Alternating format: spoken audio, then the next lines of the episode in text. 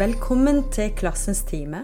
I dag skal vi snakke om det å studere. Hva forventes det av deg som student ved lærerutdanninga eller ved studiene her ved UiA?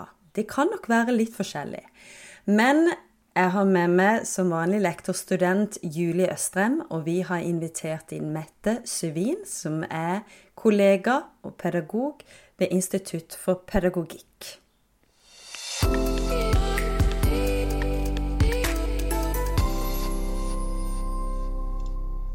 I dag er vi så heldige å ha med oss Mette. Kanskje du forteller litt om deg sjøl? Ja, tusen takk for at jeg fikk komme. Det er så hyggelig å være gjest i denne podkasten om pedagogikk og læring. Eh, jeg heter Mette Syvin. Jeg er opprinnelig lærer da, fra begynnelsen av, og så har jeg tatt spesialpedagogikk som fag. Jeg har tatt en master som handler om blinde ungdommer og om hvordan de opplevde å trives og ikke trives da på skolen, og hva de trengte. Sånn. Så har jeg jobbet som spesialpedagogisk rådgiver mesteparten av yrkeslivet, men nå underviser jeg i spesialpedagogikk og veiledningspedagogikk, og er studieprogramleder for bachelorstudiet i spesialpedagogikk. Da. Eh, det er jo ikke sikkert alle vet hva spesialpedagogikk er, sånn, men jeg kan jo si at det handler om å tilrettelegge for at alle barn og alle elever skal kunne lære på den måten som passer best for de, egentlig. Det, noen trenger litt tilpassing. Noen trenger spesiell undervisning. Blindeskrift, punktskrift, sånne ting. Og det, det, her, det, det, er jo noe som, som, vi savner å kunne ha enda mer av i pedagogikkundervisninga på lærerutdanninga. Dette her med spesialpedagogikken det er, det er, noe som tror jeg mange har eh, ønske om å, å få mer kompetanse på. Men du, du, har jo, du, har jo, både gjennom dine studier og, og din kompetanse og virke et blikk for individet, da. Eh, hvordan har individet det, hvordan har studenten det? Og, og, i dag så er det dette med å studere på universitetet som er temaet. Og dette er du opptatt av? Ja, ja, jeg er jo opptatt av at alle studentene som begynner, skal få en god start.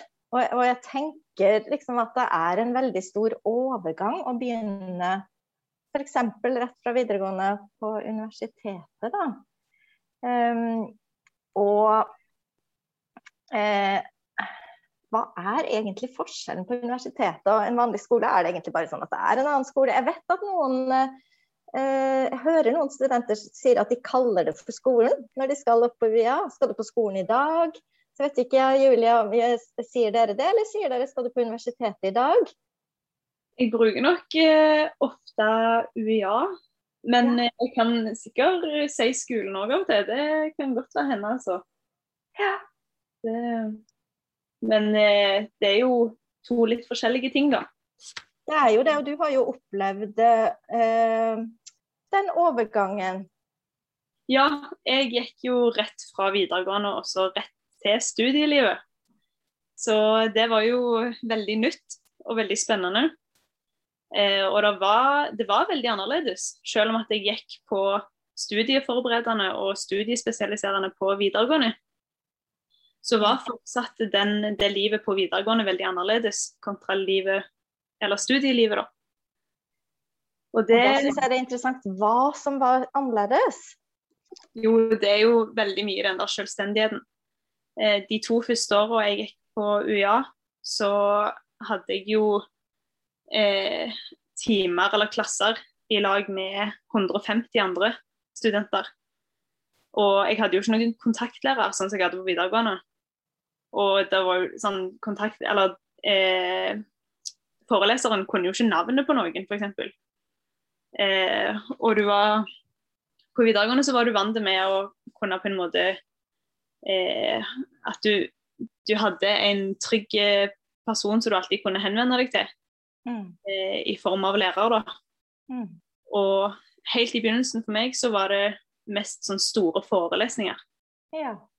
Ja. Eh, og det er jo veldig mye mer selvstendighet. Du har jo ingen som sier til deg eh, nå må du øve på den prøven, eller nå må du gjøre den innleveringen. Du, du må rett og slett bare finne ut av hva, hvordan du skal lære deg dette pensumet på egen hånd. Så er det jo selvfølgelig en del eh, tips og råd som kommer, da.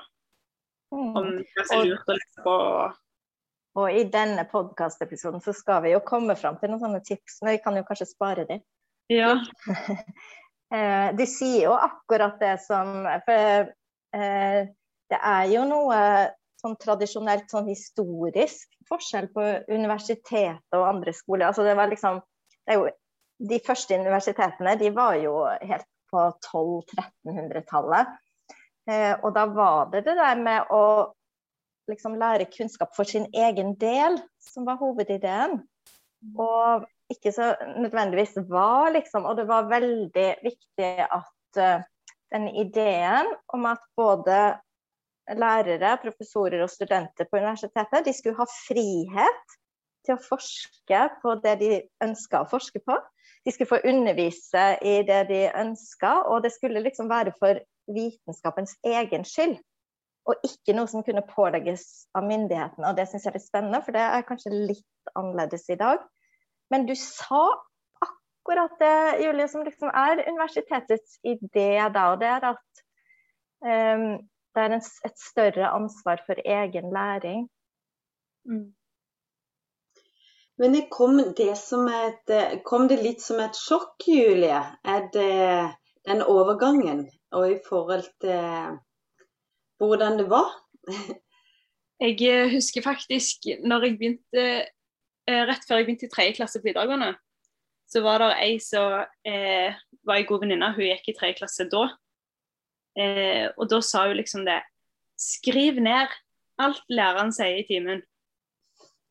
Bare skriv det ned, selv om du ikke tror du kommer til å få bruk for det. Bare skriv det ned. Skriv ned alt du sier. Og så var jeg sånn Ja vel, får jeg prøve på det, da.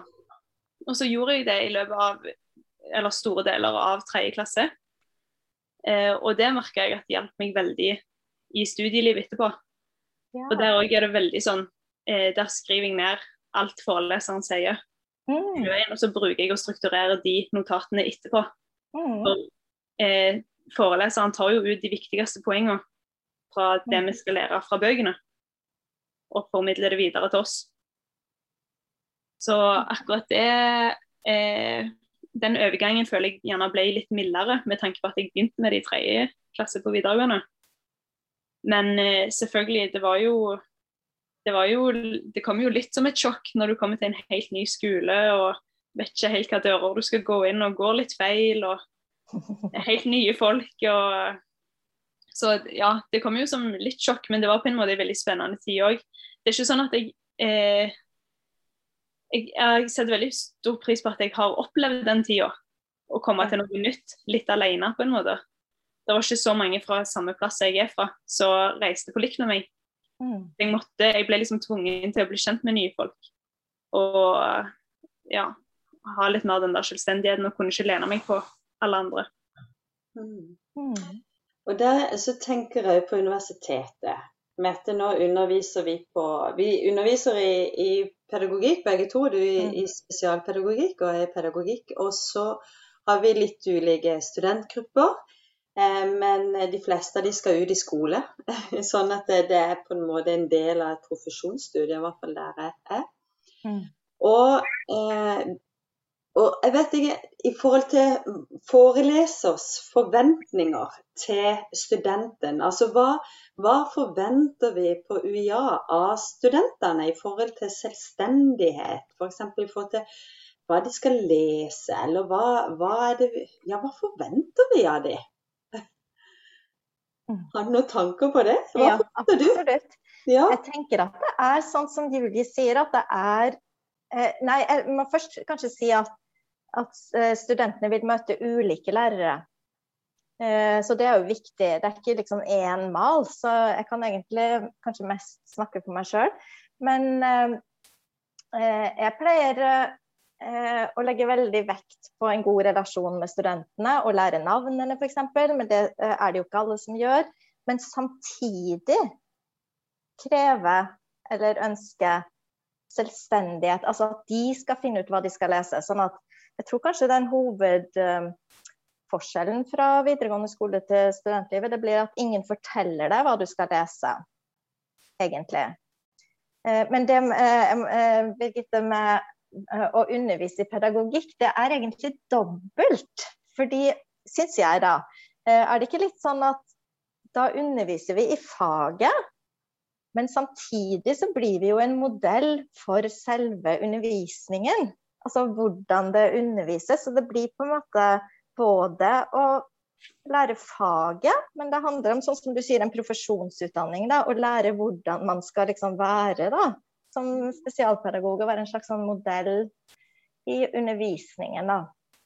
Så det er litt spennende. Eh, men så har det vært veldig mye snakk om studentaktive læringsformer i det siste. Eh, det snakker i hvert fall vi lærerne veldig mye om, at vi ønsker at studentene skal være aktive. At man lærer best ved å gjøre noe. Jeg kan jo nesten være frista til å spørre deg, Julie, om du merker at lærerne bruker sånne studentaktive læringsformer. Ja, dette, F.eks. denne podkasten er jo det. Mm. Så du er jo et kjempegodt eksempel, Birgitte, som har tatt i bruk andre måter å lære på. Mm. Og Birgitte har jo faktisk brukt eh, podkastinnspilling i timer òg, som ikke har blitt publisert, men så har bare øvd seg på å lage mm. Eh, eller snakke om temaer. Men ellers så er det jo ofte sånne store forelesninger med eh, når det er gjerne 200 studenter som sitter. Så er det ofte at det, eh, foreleserne drar inn sånn diskusjon snakke i lag to Hva tenker dere om dette? Eh, og det gjør jo et lite avbrekk, for da, det, da, må du plutselig OK, hva var, det, hva var det vi snakket om nå? Du, du må liksom følge godt med, og så eh, liksom du repeterer litt det stoffet på din egen måte. Det som foreleseren har gått gjennom. Ja. Ja. Eh, snakker, vi snakker litt om forventninger til studentene, og du snakker om sånne store forelesninger. Og jeg har veldig forventning om at studentene skal være aktive og engasjere seg i sånne forelesninger. da.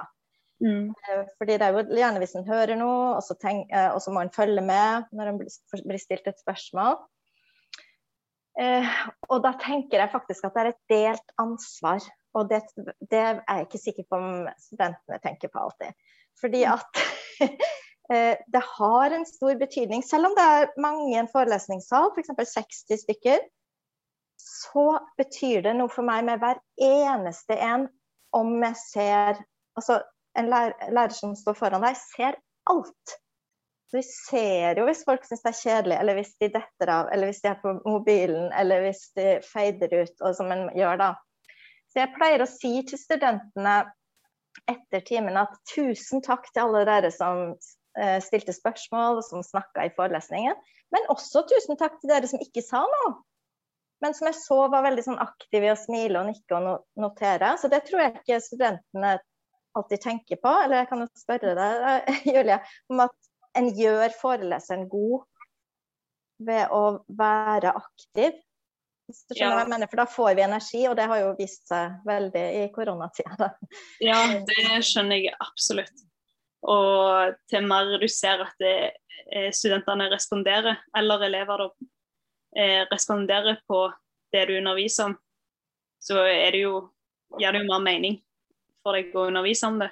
Mm. Mm. Du ser at de, de, ønsker å følge med. Ja. Og akkurat det med sånn eh, muntlig aktivitet og sånn, det eh, merker jeg sjøl.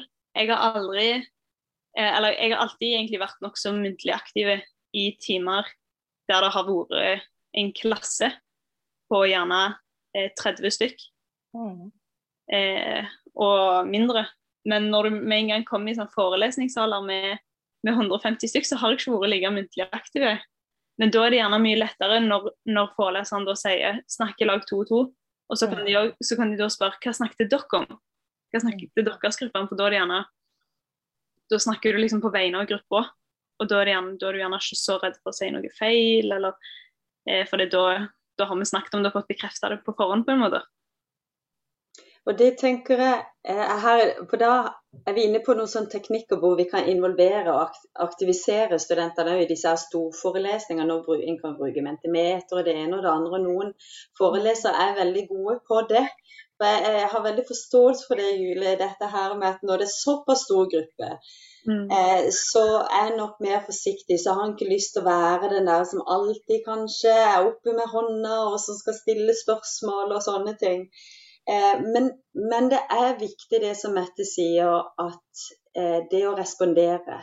Og alle i rommet har et ansvar, et medansvar i forhold til å skape et læringsmiljø. Og det er jo det som pedagogikken handler veldig mye om, og kanskje spesielt når vi kommer til seminarundervisning. Vi kaller seminarundervisning når det er sånn ca. Ja, 30 eh, stykker eller færre. da, At vi er i et klasserom, og da jobber vi mye mer med oppgaver case, eh, diskuterer, reflekterer, problematiserer. og da da er jeg veldig tydelig, Mette, jeg vet ikke om du òg er det, at eh, det å sitte helt taus mm. og aldri er med og bidrar i det fellesskapet, mm. det har en destruktiv effekt. Mm. Fordi det skaper usikkerhet. Og er det noe som vi trenger for å kunne by på sjøl, våge å stille spørsmål, og da gjør vi oss sårbare. Når vi stiller spørsmål er det bare jeg som ikke har skjønt det, eller er det jeg som er dum, eller hva. Da trenger jeg den tryggheten for at, å bare vite at selv om jeg viser fram min usikkerhet, så syns de andre er OK allikevel. Jeg er ikke dum. Og så er det flere som tør å gjøre det. Men hvis det da er noen stykker som sitter helt tause med litt sånn skepsis eller eh, sånn analytisk blikk, så skaper det usikkerhet både hos oss, det må jeg si, hos meg som foreleser. Nå skal jeg snakke for meg sjøl. Og da lurer jeg på hva er det som gjør jeg er ikke bra nok som foreleser, men det er én ting. Men det verste syns jeg i forhold til læringsmiljøet i gruppa, da. For det klimaet som skapes, og det skapes av alle. Enten så bygges det opp, eller så bygges det ned. Og det aller fleste er der jo fordi at en ønsker å lære mer. Men en må, eh, en må rett og slett delta i det, og ikke bare være helt passiv. For der er det jeg husker bare selv som student, det var jo like mye av medstudenters bearbeiding av kunnskap og mm. refleksjoner og spørsmål jeg lærte av som det var av foreleser. Det er jo mm. i det fellesskapet læringa skjer. Mm. Oh, ja, jeg er så enig, altså, Birgitte. Og jeg, men, jeg hadde sjøl veldig, veldig problemer med å, å snakke høyt i, da jeg gikk på lærerskolen syntes det var kjempeskummelt. Så, og det pleier jeg å fortelle. For jeg, jeg, tror kanskje det er noe som alle føler på, særlig å, å, sitte i en sal med 200. Det kjenner jeg i dag. At da må jeg egentlig bare bestemme meg for det hvis jeg skal uh, si noe. Så eh, Og så har jeg av og til møtt studenter som syns det er mer enn bare kjempeskummelt, da, men at de virkelig har angst for det. Og da blir det litt sånn vanskeligere um, å håndtere. Men jeg tror uh, jeg prøver å skape et miljø hvor det er lov å si feil. Og hvor jeg prøver uh, å ikke liksom, dekke over hvis jeg sier noe feil sjøl. Uh, og lage en sånn stemning i klasserommet hvor det ikke er så farlig. Og på en måte heie litt på Ja, det var en god tanke, men um, det var ikke akkurat det. og sånn. Eh, samtidig som å stille krav. Det er balanseganger, altså. Jeg er enig at, eh, ja, at vi må stille krav på en eller annen måte til at alle skal bidra. For det er helt avgjørende. Og det er jo ofte at det danner seg sånne mønstre i klasser. en, og de er veldig opptatt av å bryte da. Når det kommer i november, så stiller læreren et spørsmål, eller jeg da, og alle vet hvem som hiver seg frampå først. Alle mm. vet hvem som er nummer to. Alle vet hvem som ikke sier noe.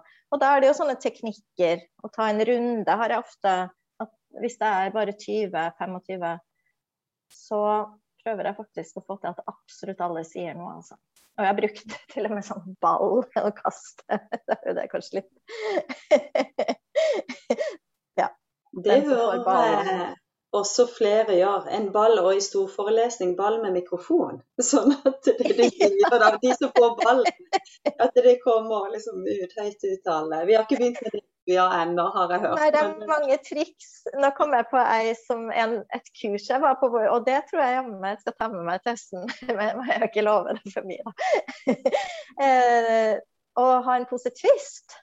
Og hver gang noen eh, sier noe, så får de en tvist. det kan hjelpe litt på motivasjonen.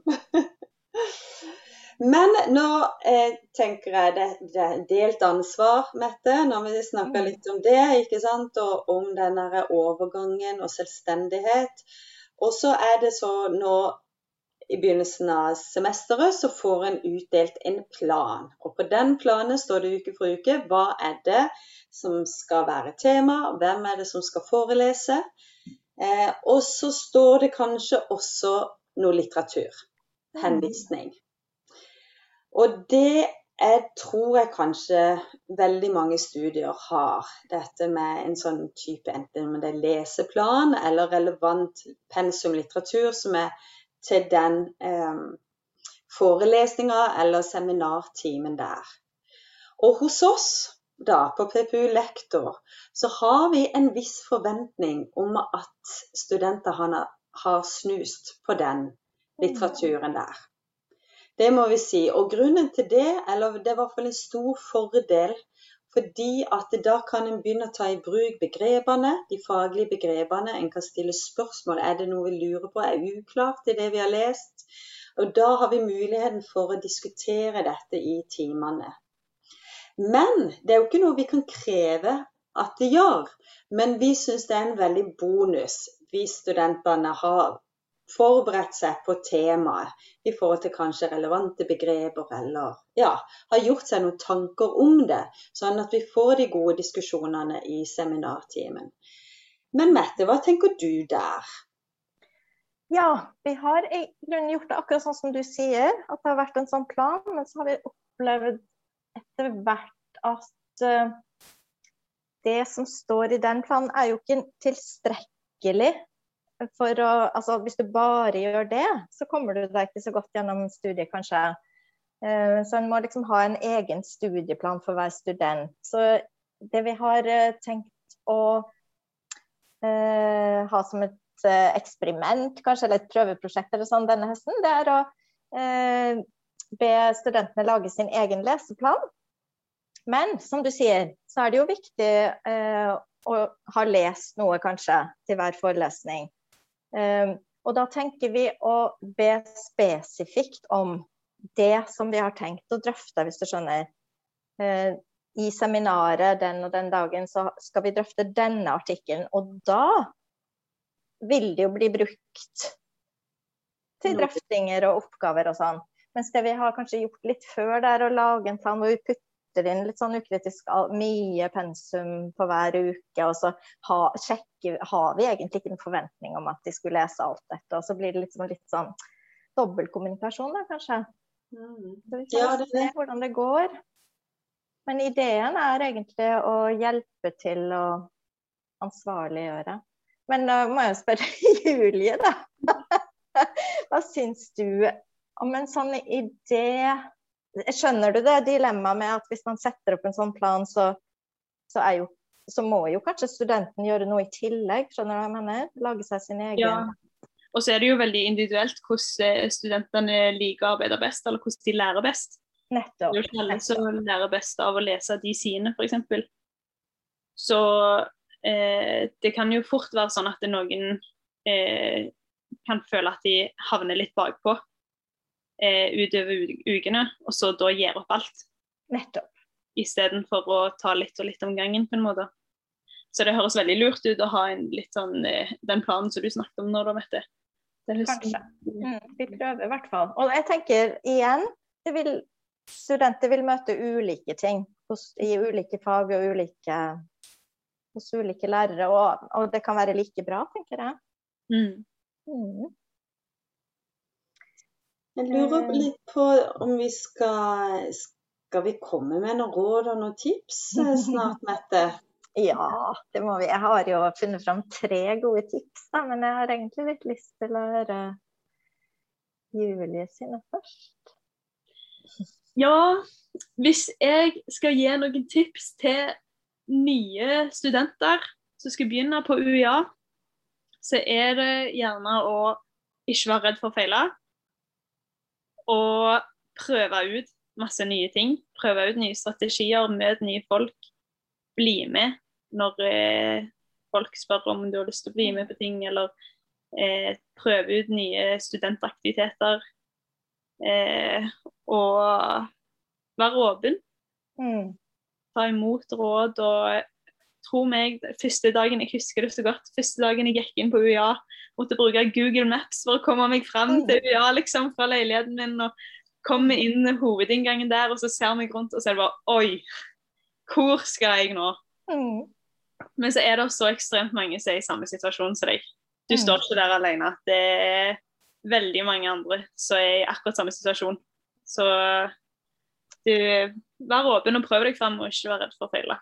Og det er spennende. Jeg tror veldig på det du sier med å prøve forskjellige ting. Ikke Mm. henge seg opp i liksom én strategi. Det er noen studenter som sier til meg sånn å, vet du, jeg er bare et skippertaksmenneske. Jeg bare er sånn. Jeg har alltid studert sånn, uh, i skippertaket, så jeg kommer ikke til å begynne før i november. Og, og det har funka bra.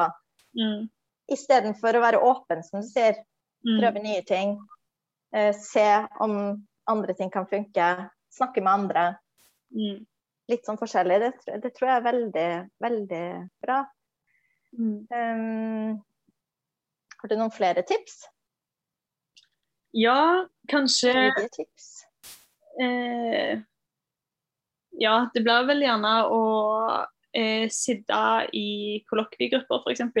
Mm. Møtes og sitte på skolen og eh, hvis dere skal øve på eksamen, eller eh, Så er det liksom, når du sitter i gruppa, så er det plutselig noen som har fått med seg noe du ikke har fått med deg, og så har du gjerne fått med deg noe som de ikke har fått med seg. Mm. Så det på en måte samarbeide med andre har jeg eh, lært veldig mye av, i hvert fall. Mm. Så finn deg ei gruppe og studer sammen med andre. Mm. Det er sikkert mange som ikke vet helt det der ordet kollokviegruppe. Vi pleier å si sånn, vi oppfordrer til å danne kollokviegruppe, men hva er egentlig en kollokviegruppe? Veldig rart ord. Ja, Hva vil har- du si der? Jeg har jo alltid bare brukt det uten å helt uh, visst en definisjon for det, men sånn jeg har brukt det, da, så er det jo om ei gruppe som studerer sammen Ja. og prøver å lære sammen, da. Ja. ja. Ja, jeg tenker det, ja. Mm, det er ikke noe sånn helt spesielt. Det kan være ulike måter å lære på. Vet du hva? Jeg har googla meg fram til en eh, coach som heter Jan Georg Kristiansen. Som eh, sikkert lever fett på å gi råd til nye studenter. Og vet du hva?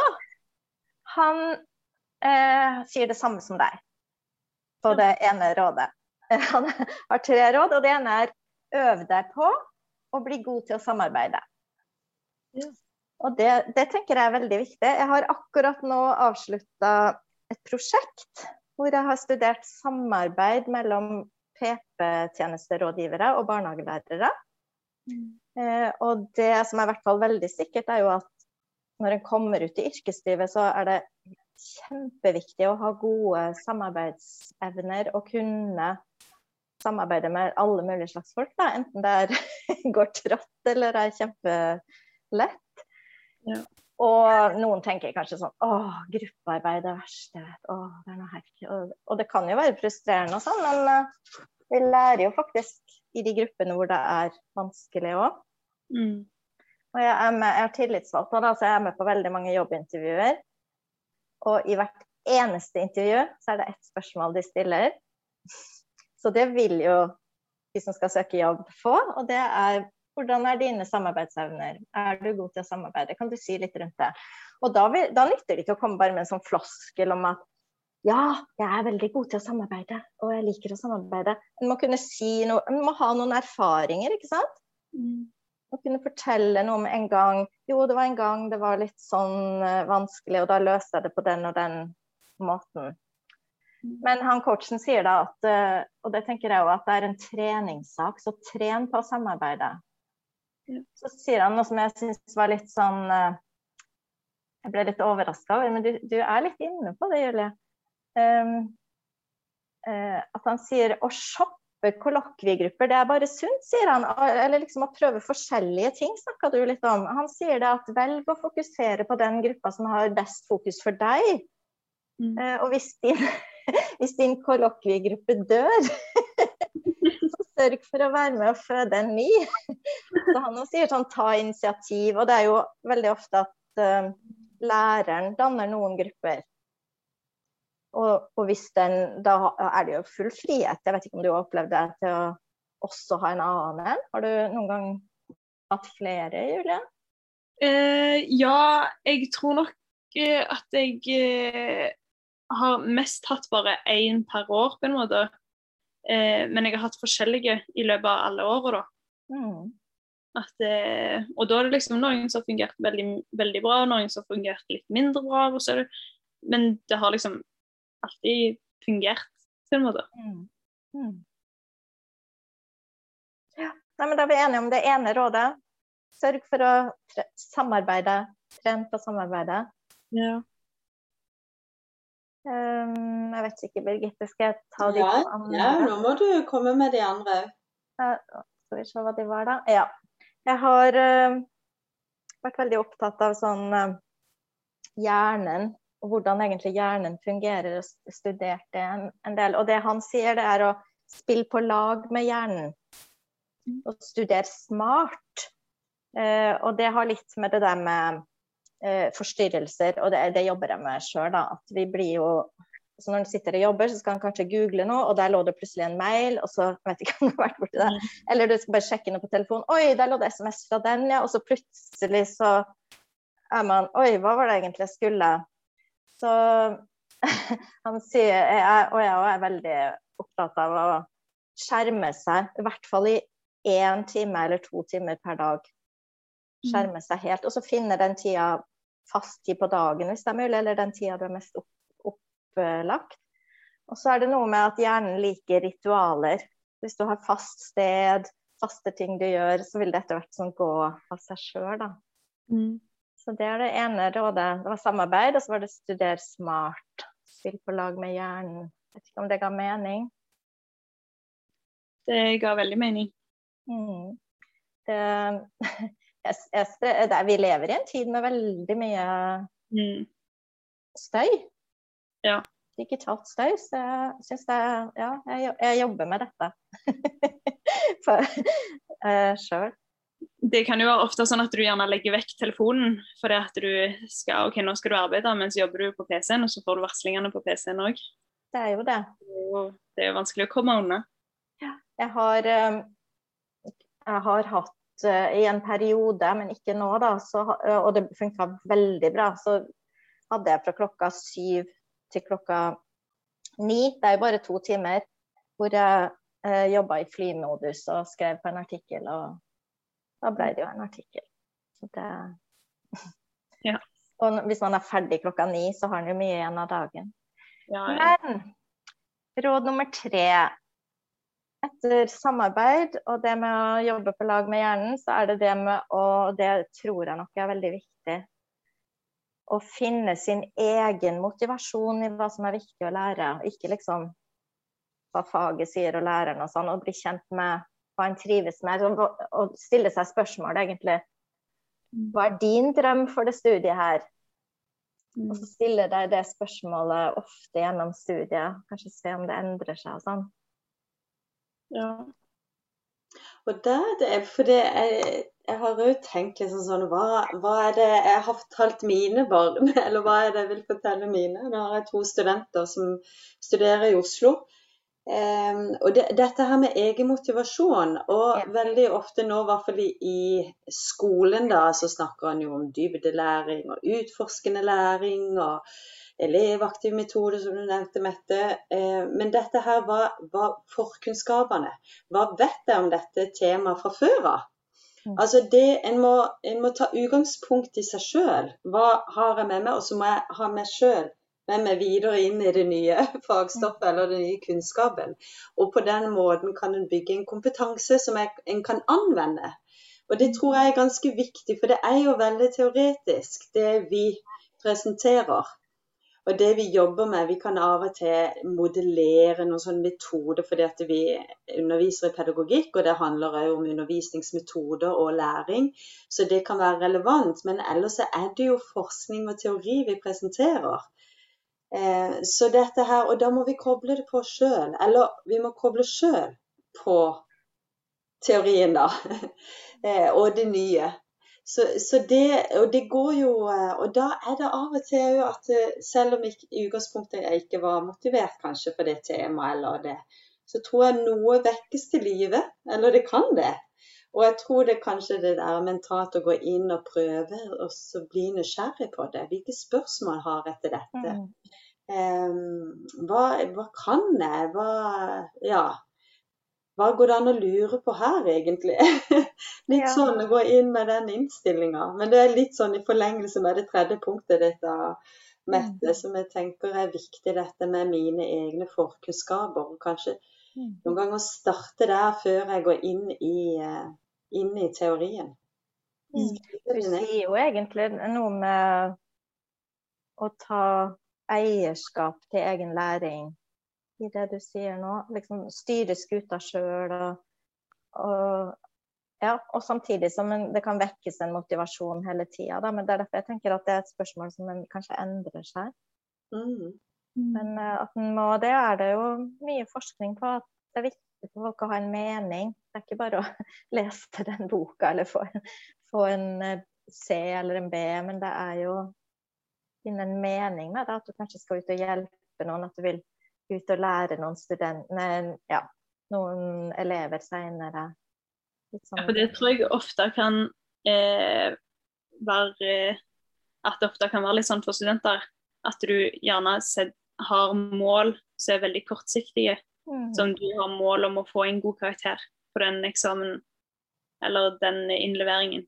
Mens en heller gjerne bør prøve å tenke på at en skal lære dette for å bli en god lærer, eller for å mm. bli en god sykepleier, mm. og ikke for å få en god karakter. Ja, for da blir det jo egentlig, hvis du skal lære for å bli en god lærer, ikke sant, eh, mm. Julie, så blir det jo egentlig viktig at du snakker i timen, da. Mm. Og at du bruker de tre årene til å bli trygg, f.eks. Så det Men det tenker en kanskje ikke så mye på, nei. nei. Mm. Gode råd og tips. Ja, jeg syns det. ja, det er bra. Og så tror jeg vi må si, for det er vel sånn, Julie, at eh, det er mye frustrasjon. Og en, når en gjennom et semester Det er mye lesing, det er oppgaver, og en har, får ikke oversikt. det der å få litt sånn kontroll, og hva er det egentlig dette handler om? Mm. Når får du det, Julie? Å, det er ikke lenge før eksamen. Nei, ikke sant? Nei, men det, det er jo sånn det er. Men mm. eh, det Når en har jobbet litt jevnt og trutt gjennom året, da, så får en jo eh, Så er det jo litt deilig å få den der aha-opplevelsen rett før òg. At det, ting begynner å falle på plass. Og det, det kommer gjerne litt lettere på plass rett før. Mm. Og det er greit å vite om i starten at her, en får ikke full oversikt. En må tåle det, mm. på en måte. En må leve i usikkerheten og det å ikke se det hele bildet. Mm. Det. Eh, bygge stein for stein, og så til slutt så faller brikkene på plass. Mm. Ja, det tror, jeg, det tror, jeg, er veldig viktig. Og, det, og sånn fortsetter det egentlig ja. helt til slutten av studietida. Ja. Og så begynner man jo jobb, og da er det også sånn. så livet er vel en, kanskje en eh, læringsprosess hele tida. Sånn ser jeg det i hvert fall. Jeg elsker å lære, og det har jeg aldri slutta med. Ja, vi er ikke ferdig utlærte når vi er ferdig på UiA. For det. Nei, ikke sant? da begynner en annen type læring. Du, Mette, jeg har lyst til å takke for at du vil eh, komme her og snakke med meg og Julie. Eh, og få gode tips Veldig til det å studere og snakke om forventninger og det å være student. Ja. Mm. Så da, Julie, da tror jeg vi takker for denne gang. Mm.